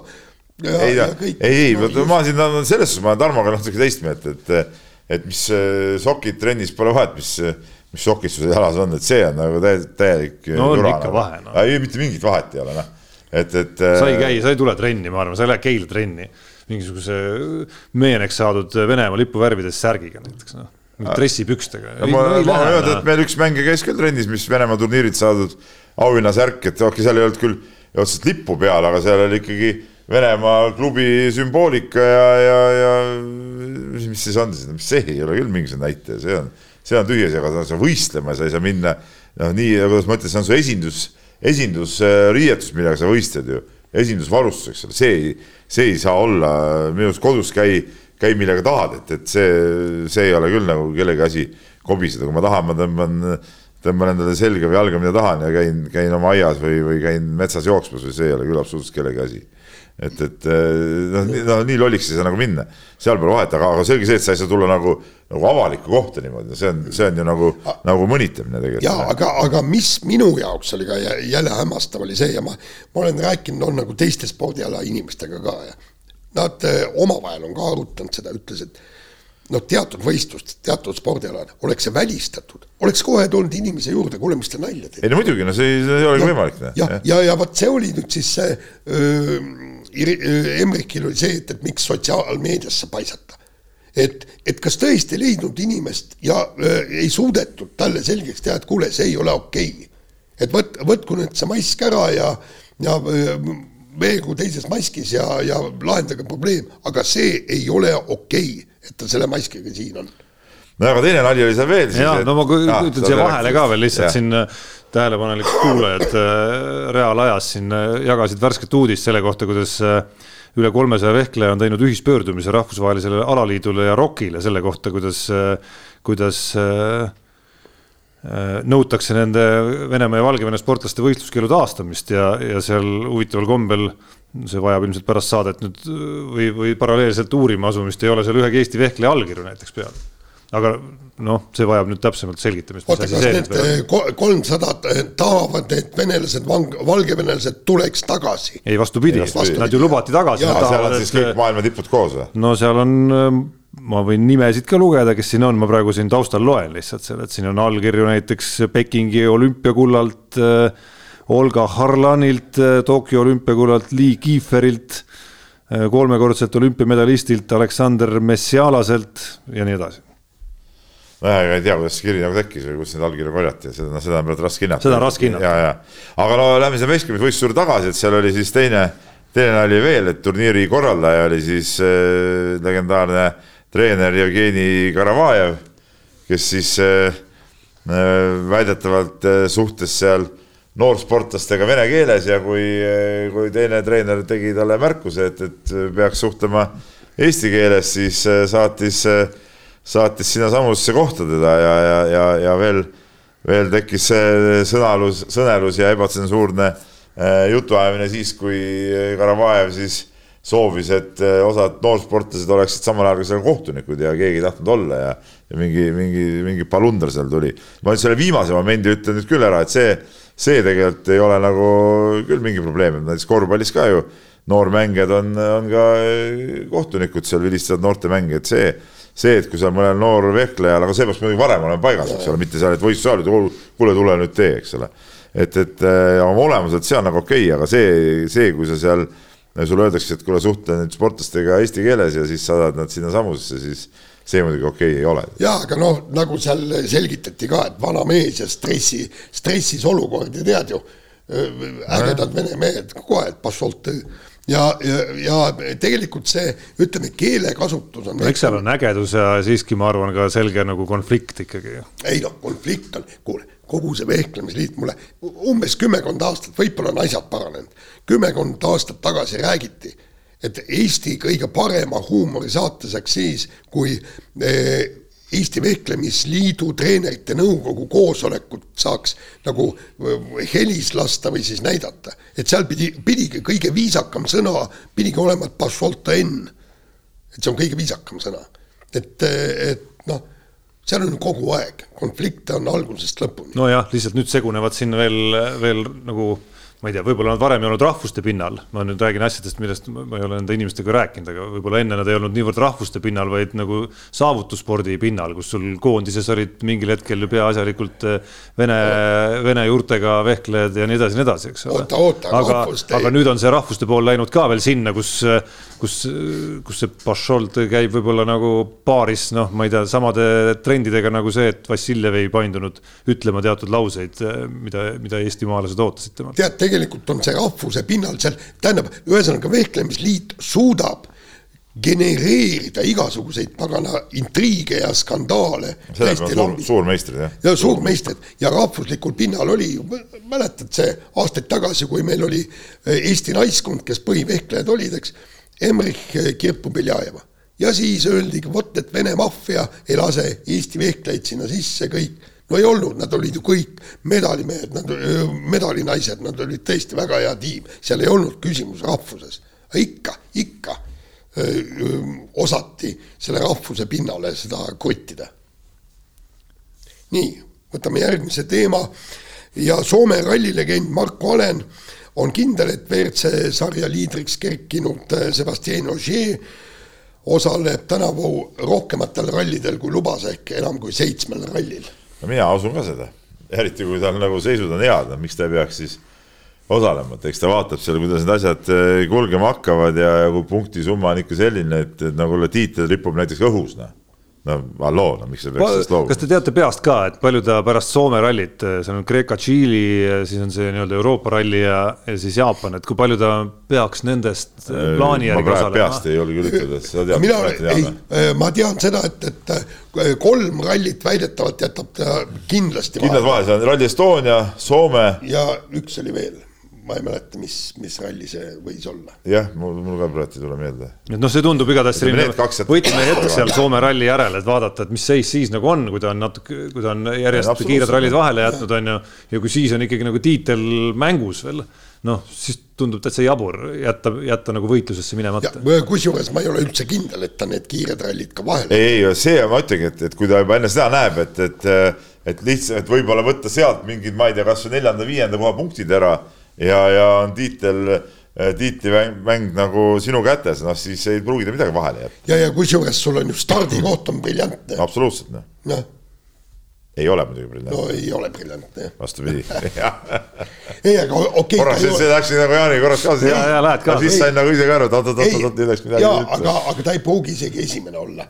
isegi siis, kui ta on teine-kolmas päev, kolm punkti vahet. ja, ei, seda küll jah, jah aga selle saatuse lõpetuseks loomulikult meie püsirubriik Nädal Keilas tuleb tagasi, saate alguses juba sai, sai Peebu valu siin tajutud selle ligi kuuajalise mängupausi osas, mis nüüd, mis on käsil siis nendel Eesti klubidel, kes Eesti-Läti liigas play-off'i ei jõudnud. enne kui koduse liiga veerandfinaalid lahti lähevad peavad nad siis ära vaatama, kuidas, kuidas Eesti-Läti liiga Final Four ära mängitakse kõigepealt ja, ja et üldse jõutakse kõigepealt selle Final Fourini. aga noh, ma arvan, et Peep äh, sünnipäeva, sünnipäeva ümbrus oli sul nagu selles mõttes tore aeg ikkagi, et äh, vaadates, kuidas Tartu Ventspilsi vastu mängis, kuidas null kaks on siin äh, Keilaga sotid sellel aastal, siis need eesmärgid, mille me Jaaniga sinule hooaja alguses panime, noh. vähemalt medal. põhimõtteliselt on ikkagi nagu vist, vist see veerandfinaalseeria on nagu möödaminnes Peebule ei meeldi see jutt muidugi aga sellepärast ma räägingi seda. jutt on nii jabur, et, et ma ei oska isegi nagu reageerida sellele, et, et äh, ma ei, ma ei ole nagu kindel, et, et kas mul, et kas meie jaoks on hea see, et Tartu mängib Ventspilsiga, mängis nii kehvasti ja, ja, ja äkki mängib teise mängu veel sama kehvasti ja kukuvad välja või oleks meie jaoks ikkagi parem, kui nad saaks Eesti-Läti liiga Final Fouri ja, ja. arvaks, et nad on jube head. arvaks, et nad on jube head, täpselt, et ähm, Jaan, ma näen, et Tartul ei ole muidugi asjad hästi, aga mingi, see kindlasti on seda, et, et meil nagu midagi sellest nagu kergemaks läheks, et kui sa nüüd ikkagi võtad, võtad üks, üks-ühele need äh, võistkonnad, siis, äh, siis tegelikult noh, trumbid peaks ju olema Tartu käes ikkagi, kui me mängime, aga kindlasti me valmistume nii, et, et muidugi võiks nagu saada, võiks nagu saada edasi, miks mitte. natuke valib sõnu iga sõna, iga silp on äh, äärmise, äärmise hoolsusega valitud. jumala eest midagi Tartu riietusruumi seinale ei tuleks siit äh, suust kogemata. aga miks peaks? miks peaks tekitama seda olukorda? ei no äh, eks meil on, ma räägin, raske on seda kuut aega nagu üle elada nagu normaalselt, aga mul pole õrna aimu, kuidas see, kuidas see võistkonnale mõjub, noh. et sellist kogemust ei ole mul, ei ole siin teistel treeneritel ka tegelikult, et et sa lähed pärast sellist pausi kohe play-off'i mängima, et, et, et sellist asja ei ole siin, eelmine aasta vaata mängiti üks, üks ring sinna veel otsa. et, et, et, et ma ei, ma ei kujuta ette, noh, ütleme trennis, noh, trenn ei näita ka kõike, noh. trennis vahepeal hoiad nagu peast kinni, vahepeal vaatad, et päris okei okay,, noh, et, et no pärast seda Valmiera viimast mängu, eks ole, noh, siis eelmine nädal oli, oli, oli sihuke kuidas ma ütlen, niisugune teistsugune trenninädal, kuigi noh, me tegime nagu palli kogu aeg ikkagi viskasime, aga aga ütleme, mingit viis-viite nagu ei mänginud näiteks kordagi ja, ja ja tegime nagu, nagu muid, muid asju, noh. eile, eile hakkasime viis-viis mängima, noh siis vaatasin, et nagu üldse ei oska mängida, et. no samas on ka see, oletame, et Tartu kaotab Ventspilsile teise mängu nüüd juba kolmapäeval no,, et siis tuleb vahe. ka neil päris pikk paus no, ikkagi, täitsa nagu harjumuspäraselt no,, päraselt, päratult pikk paus. hakake seeriaga varem pihta. ei no see ei ole mõtet ju, sest et eh, lõpuks ikka kuskil sa pead selle pausi ära ootama, kui sa edasi saab, noh, et et ei, ei no nad niimoodi ei taha teha ja see nagu varjutaks nagu selle, see varem, lätlased hakkavad varem pihta, lätlased hakkavad oma äh,, miks meil jäi näiteks üks äh, meil oli siin, pidime Liepajaga mängima äh, treeningmängu, aga siis äh, äh Umbrasko helistas ja ütles, et nendel hakkavad äh, veerandfinaalid, seal, kuna seal on kuus võistkonda, siis kaks esimest nagu ei mängi, noh, ütleme, kui kaks esimest näiteks saavad sinna Final Fouri, siis see nagu ei mõjuta seda, et kolm, kuus ja neli-viis saavad ju omavahel mängida, nendel hakkabki juba, juba järgmine nädal hakkab äh, pihta näiteks, nad ütlesid, neil oli seal mingi viies või, või, või, või mingi sihuke kuupäev oli, kui hakkab pihta ja ja, ja see, see nagu, see on neil nagu teistmoodi, aga, aga minu arust see on õige Eestis jälle, et, et me ei hakka varem pihta, et okei okay, las see, las see Eesti-Läti liiga lõpeb ära ja siis läheb fookus nende veerandfinaalide peale, et see nagu on jälle kõik okei okay,, et seal on tehtud, et iga päev on üks mäng ja, ja nii edasi, et, et seda igat mängu saab eraldi suureks teha, see on, see on nagu, see on nagu hästi, aga, aga lihtsalt see, lihtsalt see ootuspaus on nagu eba, ebareaalne. nii, aga laseme kõlli Unibetis saab tasuta vaadata aastas enam kui viiekümne tuhande mängu otseülekannet. seda isegi mobiilis ja tahvelarvutis. Unibet, mängijatelt mängijatele. Nonii, oma Unibeti seiklustest äh, siin saate alguses sai juba räägitud siis äh, seoses Eesti jalgpallikoondise ja Austria kohtumisega. ma elan su seiklustele väga tuliselt kaasa. elad jah ja.? väga hea sinu, sinu seiklused, ma saan aru, on ikkagi urus püsimine endiselt äh,. või äkki ikkagi on nüüd juba äh, sügelus tekkinud? no vaatame. no nagu ma Tarmole juba rääkisin, panin ühe suusapanuse öö, oma lollusega hakkasin mõtlema ja siis muidugi kaotasin selle panuse, oleks pannud, pidanud panema teisele mehele. murdmaa suusatamisele panustasid? jah, kes jõuavad poodiumile päris head koefitsiendid olid, kaks koma neli. päris head koefitsiendid, aga ma ei võitnud. ei, ei selles mõttes, et ma panin valele mehele, oleks õigele mehele oleks ka kaks koma neli oli koefitsient.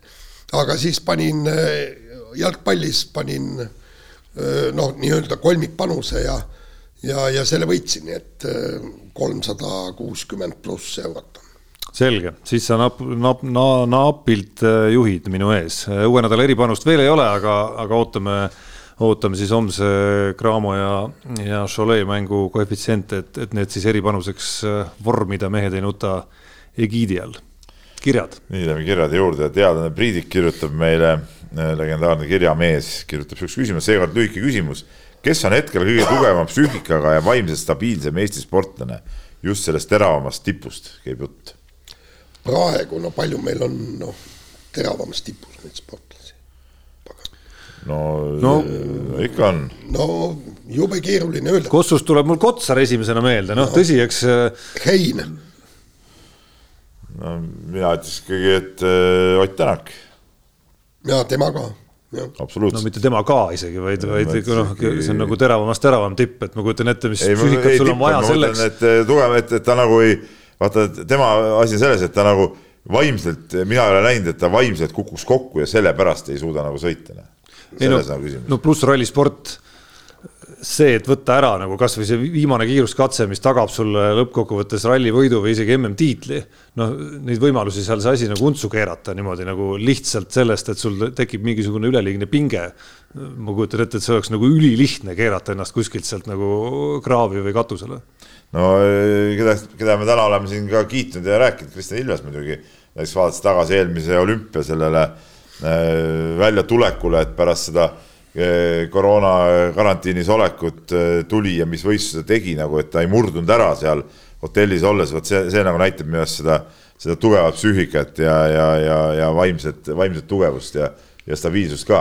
ja aga koha, kohati tundub, et vaata, kui tal need suusahüpped hästi ei lähe, siis ta ikka põeb ka päris, päris. ei no põeb, no kindlasti põeb, aga, aga, aga ma mõtlesin, mis nagu, et, et üks asi on see, et sa põed, teine on see, et sa suudad sellel teatud hetkel ennast raskest seisust kokku võtta ja, ja, ja mingi, mingi asja ära teha, no ütleme nagu, nagu vanasti noh, ütleme, ma ei tea, Erki Nool näiteks noh, et, et noh, ütleme mingi, mingi, mingid siuksed äh, siuksed, siuksed näited nagu.. ta suutis ka MM-il tegelikult teha ikkagi noh, nagu päris pingeolukorras ikkagi, kus on nagu nii-öelda suur pinge juba mängus on ju. tegi ta siiski need hüpped ära, et ega seal hüpetes on ikkagi nagu raske öelda, kust need äh, kõikumised tulevad, et on see nagu pingetega toimetulemine. seal on neid nüansse nagu nii palju ikkagi, mis võivad selle hüppetunnetuse sul ära kaotada, et ma arvan, et seal on rohkemat kui ainult see, et sa kuidagi nagu pinget ei talu näiteks. ja aga need hüpped on noh, selles mõttes, et tavavaataja jaoks, et need suusahüpped on üsna mõistetamatud, kes vaatas seda Ilvese seda lah-, esimest võistlust lahtis. nägite ja sellele Kaarel Nurmsalu pööras ka tähelepanu. nii kui Ilves otsa pealt ära läks, ära tõukas, oli sellel Norra treener rusikas püsti, jess, tehtud. ühesõnaga, meie ju ei saa sellest midagi aru, aga vend nägi juba äratõuke pealt, et sealt tuleb pikk hüpe.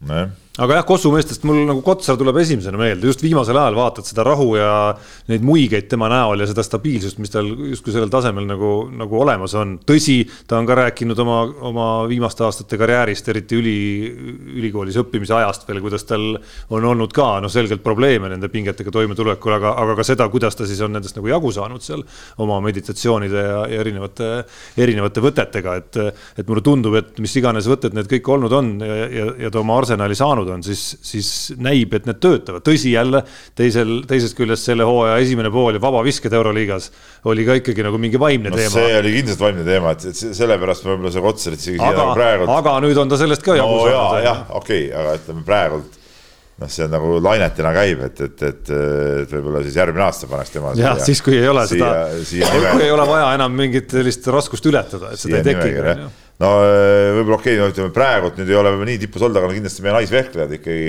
ütleme seal Tokyo olümpial nagu näiteks see, see vaimne tugevus ja, ja, ja, ja, ja psüühika oli see ikkagi, mis ju nii psühholoogiline ala nagu vehklemine on, eks ole, siis üldse, üldse võidule, võidule aitab tead noh. jah, noh, eks vanast ajast siin Erki Nool kõlas, ega vanast ajast leiab muidugi neid. Gerd Kanter neid, kindlasti. Noh, Kanter leiab Aivar Kuusma näiteks. Ei tea, Aivar Kuus plähmerdas ikka natuke. Läks ikka vahest erutus ka liialt, vaata. nojah, ta vahel kees nagu üle. vaata, ma mõtlengi, aga see, see ei näita ka võib-olla siukest eh, vaimset stabiilsust, noh. mina ei saa öelda, et mina olen vaimselt stabiilne, mina käin ka, käin ka üle näiteks tihtipeale, noh et, et. ja no samas see... oli ta see mees, samas oli ta täpselt see mees, kes ütleme, kui oli vaja nagu tõusta otsustaval hetkel näiteks. ja ei, seda küll, seda küll. kui asi läks ja. nagu suureks siis, siis tema oli seda tüüpi mees, kes, kes nii-öelda parandas oma sooritust, mitte vastupidi, ei, ei langenud kuidagimoodi nagu samm allapoole. et selle, see, selles mõttes vaimne, vaimne tugev. ja, ei seda küll, seda küll, nii. Ardo Sand kirjutab meile ja, ja toob siit näite siis lahti MK-etapilt, kuulus siis äh, Saupas Selka, Selka mängud, vist saja aastane juubel oli neil koguni.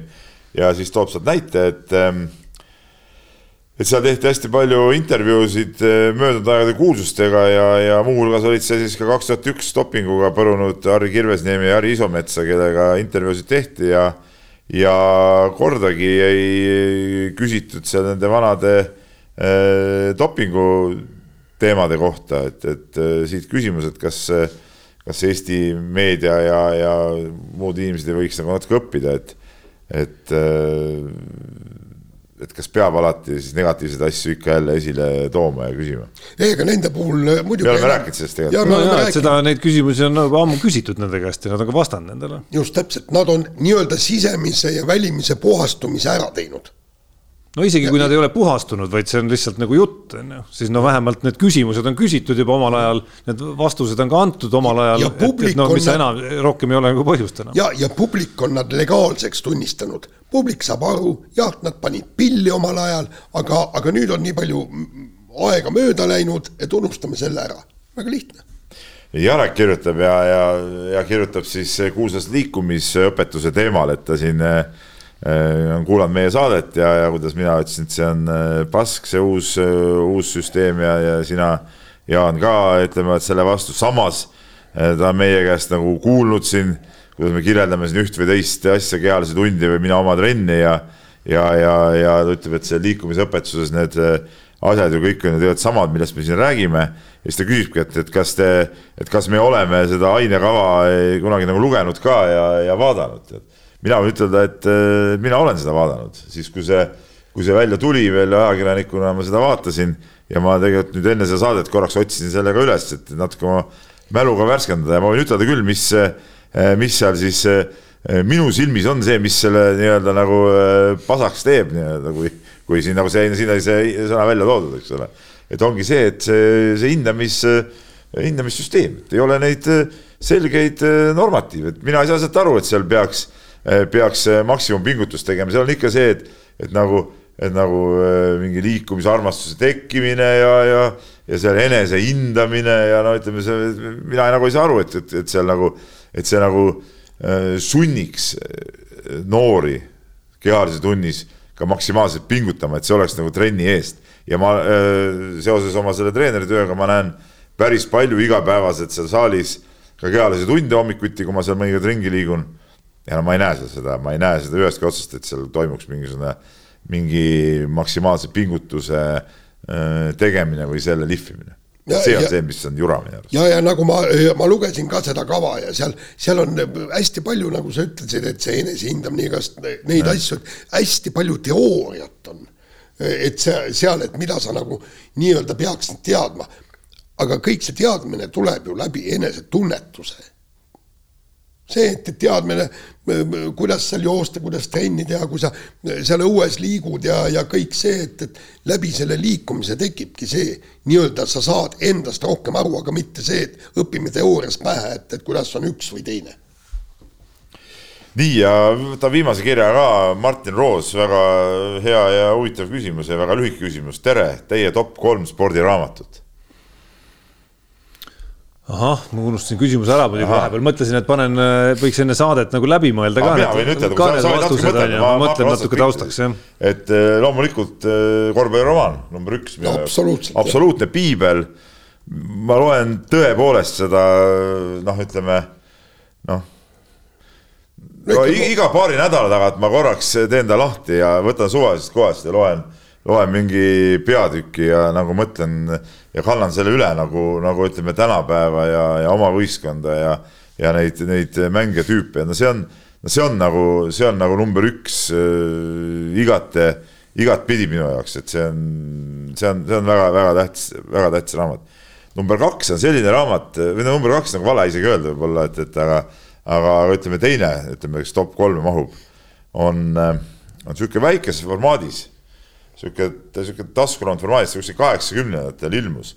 mäng oli selle äh, nimi, Paavo Kivise äh, raamat on see minu arust ja seal on paar erinevat sihukest publitsistilist lugu, ma ei tea, Jaan, sina võib-olla mäletad seda raamatut? mäletan küll, jah. mis on nagu, mis on nagu minu silmis nagu noh, geniaalselt kirjutatud, lihtsalt geniaalselt kirjutatud, ma ei tea, kas Tarmo tead seda raamatut? ei tea. see on, see on väga hea asi, mul peaks see kodus siiamaani olema olemas, et, et need on siuksed natuke võib-olla vana, vana aja tekstid, aga, aga need on, need on nagu, need on väga-väga-väga hästi kirjutatud ja ütleme, ütleme mind ja minu spordi mingisugust tunnetust see raamat on, on, on väga-väga-väga palju mõjutanud. ja no ma ei tea, no kolmandaks, no seal on väga, meil on päris palju häid siukseid persooniraamatuid, no ma ei taha Jaani kiita, aga okei okay,, see Kristiina raamat, tead oma olemuselt on ka ikkagi ikkagi, ikkagi väga hea raamat.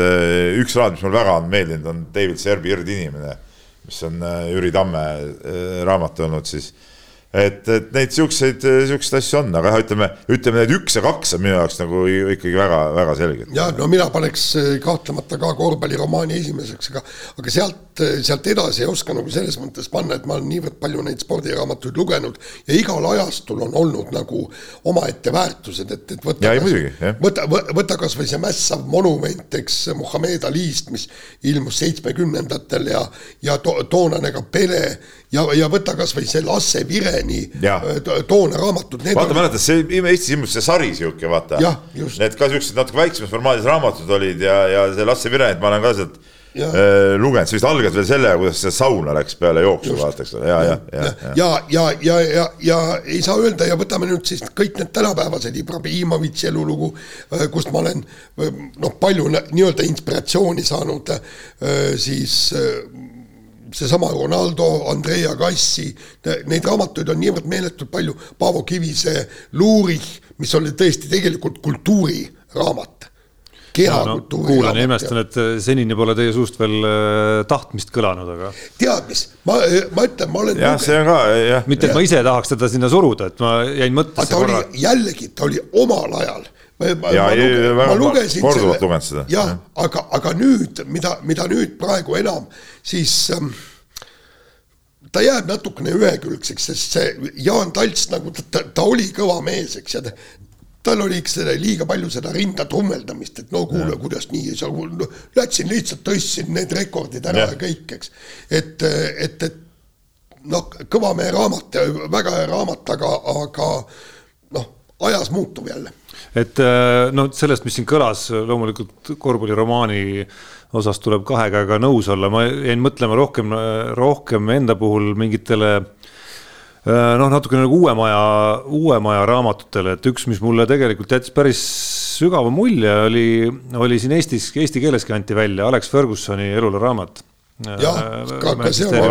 on. legendaarse treeneri ja minu arust oli see väga noh, selline nagu pool juhtimisõpik, ma arvan, nii treeneritele kui, kui ka muu eluala inimestele täiesti oli seal, oli seal väga huvitavaid nagu mõtteid ja huvitavaid põhimõtteid seal, seal kaasas. ja noh, midagi ei ole öelda ikkagi minu spordi jälgimise Äh, aastakümnetega on ikkagi nagu üks sportlane, kes on seal omamas mingisugust natuke erilisemat positsiooni maailmas, on ikkagi Michael Jordan olnud. ja noh, temast on kirjutatud raamatuid muidugi tohutult palju ja ma ei suuda nüüd täpse pealkirja järgi kõike nagu välja öelda, mis need kõige kustumatuma mulje on jätnud, aga vist äkki seesama Jordan Rules võib-olla kuskilt sealt äh, vanast ajast, aga, aga tegelikult üks väga äge raamat oli tema comeback'ist Äh, sellest, kuidas ta tagasi tuli. Äh, When nothing else matters või midagi sellist oli selle pealkiri, mis ikka valgustas päris ütleme päris ägedalt seda siseelu, mis kõik toimus äh, Washington Wizardsis, kuidas ta tagasi tuli, oli omanik ka veel samal ajal. ega see nagu ilus pilt nüüd otseselt ei olnud, nii nagu see, nagu see Netflixi sari noh, ka maalistas sellise pildi, kus ega lihtne ei olnud temaga seal koos olla. aga noh, see oli veel nagu ikka mitu, mitu vinti veel nagu, mitu vinti veel nagu vägev, vägevamat, et see, et sellelt tasemelt saada nagu selline sissevaade oli, oli, oli päris huvitav kogemus. Soovit, soovitan kindlasti. et siin midagi, lugege spordiraamatuid ja võimalikult palju ja saate emotsiooni ja kõik ja elu, elu läheb äh, paremaks teil kindlasti. nii, aga sellega tõmbame saate otsad kokku, kuulake ja vaadake meid järgmine kord. mehed ei nuta. saate tõi sinuni Unibet, mängijatelt mängijatele